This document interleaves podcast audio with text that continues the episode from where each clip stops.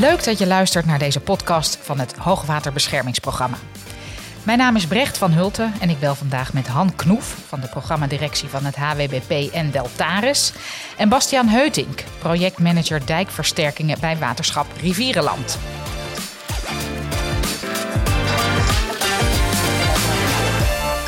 Ja, hoi Bastiaan. Jullie zijn druk bezig bij Gamera. De Waalbandijk, begreep ik. Als onderdeel van het HWPP gaan jullie over één kilometer een grof zandbarrière aanleggen. Of dat is eigenlijk al voor een groot deel gebeurd. Jij weet er alles van, begreep ik. Vertel, wat is dat, een grof zandbarrière? Ja, dat klopt. We hebben uh, in Gameren over een kilometer lang een uh, grof zandbarrière aangelegd.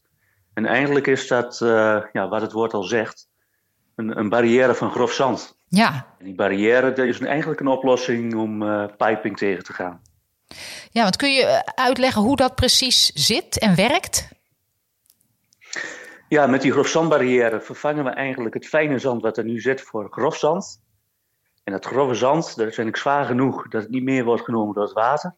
Maar ook weer fijn genoeg om de fijne fractie tegen te houden. Waardoor die pijp niet onder de dijk door kan groeien. Precies, dus het water stroomt er wel een beetje onderdoor, maar neemt in ieder geval dan geen zand meer mee. Dat wordt door dat grove zand tegengehouden. Ja, dus die grofzandbarrière werkt dan eigenlijk als een soort van filter. Ja, precies.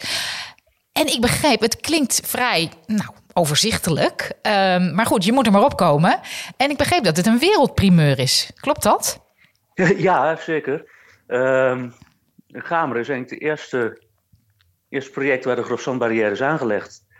En um, ja, dat is vrij bijzonder, want het is natuurlijk wel een, een definitieve maatregel om pijping tegen te gaan in een primaire waterkering. Ja, en dat wordt dus in Gameren nu voor het eerst toegepast. Uh, kun je wat vertellen over, over de stappen die jullie allemaal ondernomen hebben om eigenlijk van dat idee waarvan jullie niet wisten of het zou gaan slagen, nu naar de uitvoering en de praktijk uh, te gaan? Hoe, hoe is dat gegaan, dat proces? Ja, dat is wel een heel proces geweest. Ik denk dat wij uh, kijken, in 2015 ongeveer zijn ingestapt. Um, om het idee grosandbarrière verder uit te werken. Nou, dat hebben we natuurlijk niet alleen gedaan. Uh, we hebben Deltaris voor gevraagd om een, uh, een haalbaarheidsonderzoek uh, voor te doen. Om eerst te kijken van, is het idee wat we hebben, de grofzandbarrière, het grove filter te plaatsen, is dat echt haalbaar? Dus werkt dat ook? En daar heeft Deltaris op laboratoriumschaal zeg maar proeven uitgevoerd. Juist, op laboratorium. En dan op een gegeven moment werkt dat en dan gaan ze naar een grotere schaal, neem ik aan. Ja, dus we zijn eigenlijk begonnen met een, uh, een kleine schaalproef. Dus uh, klein beginnen. En dan moet je denken aan een, uh, aan een stoeptegel, 30 bij 30 bakje. Ah, ja. Waar we de grofzandbarrière hebben nagebouwd. Waterdruk erop zetten. En kijk waar de grenzen liggen van bezwijken. Nou, die kleine schaalproeven zijn opgeschaald naar medium schaalproeven. En dan moet je ongeveer denken aan, een, aan het formaat van de keukendeur. En uiteindelijk op ware schaalgrootte in de delta gehoord. Ja, die ken nou. ik, die grote. Dat is indrukwekkend. En, ja, en, en het doorstond dus alle proeven?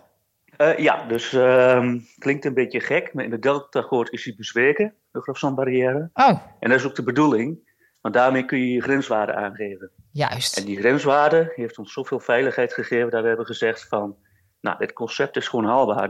De grafzandbarrière kun je dus in de praktijk toepassen.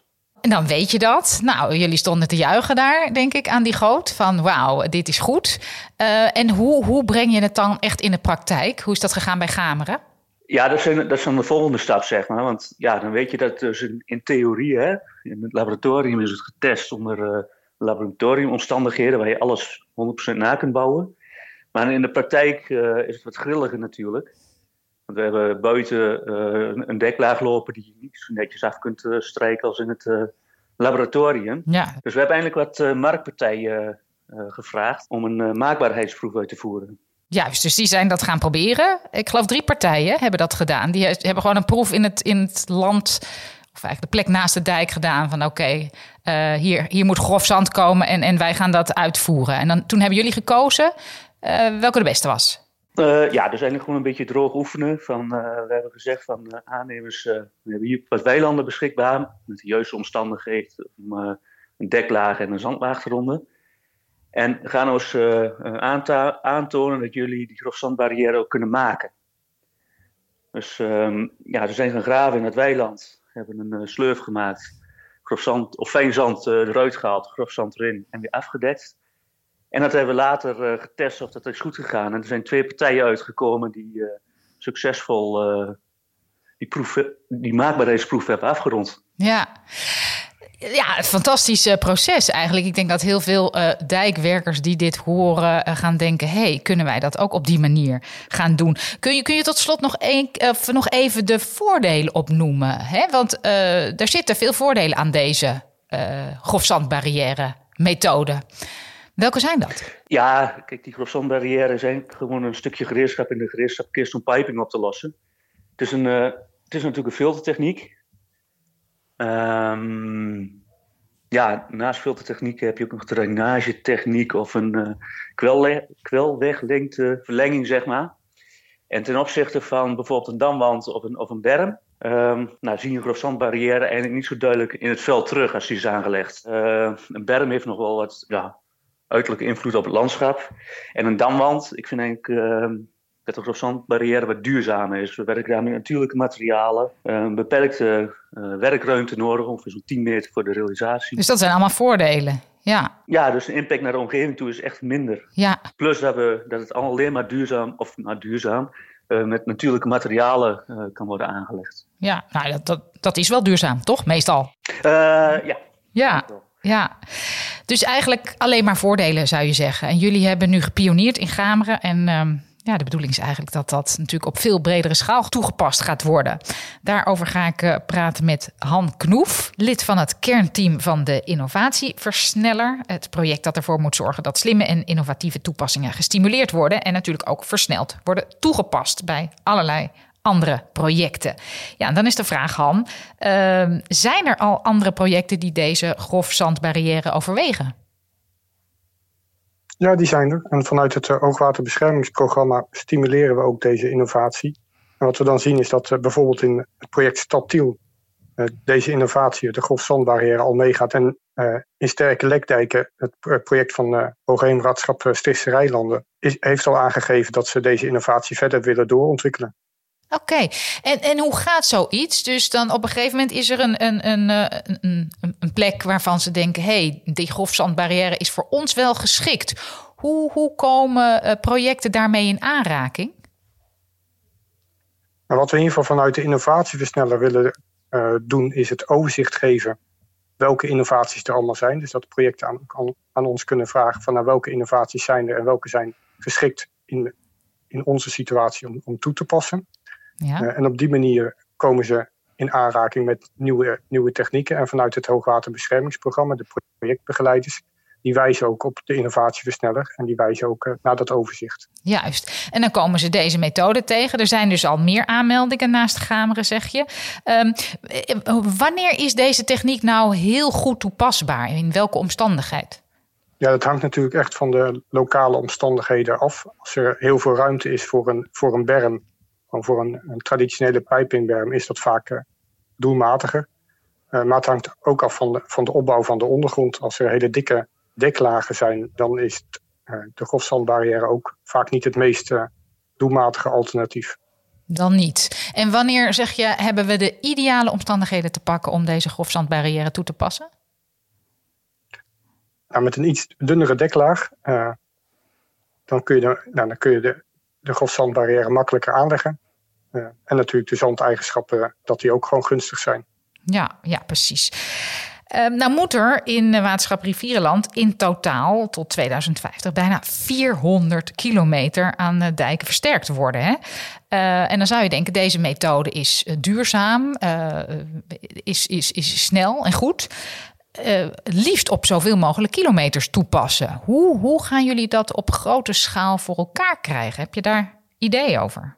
Nou, wat we in ieder geval vanuit de innovatieversneller proberen we inderdaad dat te stimuleren. Dus dat innovaties op grotere schaal worden toegepast. Want dan worden de versterkingen gewoon goedkoper uh, en beter, beter inpasbaar. Um, dat doen wij vanuit de innovatieversneller door naar projecten toe te gaan, uh, projectvragen te beantwoorden en ook projecten in contact te brengen met eigenlijk andere projecten die de innovatie al hebben toegepast of specialisten die hen kunnen helpen met, met de innovatie. Wat we ook uh, doen is dat we projecten helpen als zij specifieke vragen hebben om die te beantwoorden, zodat het eigenlijk even makkelijk is als een gewone oplossing om een innovatieve oplossing toe te passen. Juist. Dus jullie maken het eigenlijk een beetje laagdrempeliger. Jullie zijn promotor van goede nieuwe oplossingen. Ja, precies. Het gaat inderdaad om het, makkelijk maken om innovaties toe te passen. Want de afweging maakt het project altijd zelf. Ja, en wat zijn dus uh, hobbels die jullie tegenkomen als jullie de boer opgaan met nieuwe, nieuwe oplossingen? Uh, hebben sommigen misschien nog wel koudwatervrees. Welke hobbels komen jullie tegen? Het zijn uh, verschillende hobbels. Het kunnen technische hobbels zijn. Als je een innovatie ontwikkelt en je test hem, dan test je hem altijd in een specifieke locatie met specifieke eigenschappen. En als de eigenschappen van het project nou net iets afwijken, dat je niet precies weet of dat die, hoe die werkt, dan is dat, is dat een hobbel. Het is ook soms uh, de hobbel, hoe ga ik om met risico's? Dus stel voor dat het niet werkt, is het project dan helemaal verantwoordelijk of is het waterschap dan? wie draagt wie draagt de risico's? Eh, wie is verantwoordelijk voor de consequenties?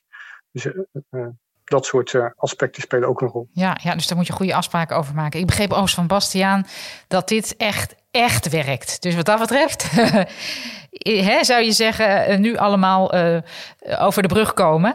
Um, toch, toch is deze techniek bestaat al vier jaar. Hè, want in 2018 wonnen jullie hier de innovatieprijs mee. Uh, kennelijk is het toch lastig om, om dit op grote schaal um, ja, over het voetlicht te krijgen of, of toegepast te krijgen. Hoe, hoe komt dat, denk je?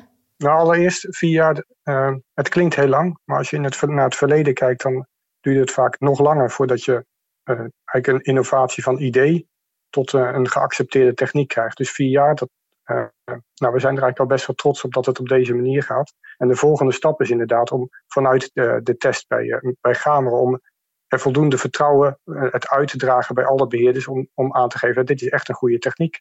Vertrouw erop dat dit goed gaat.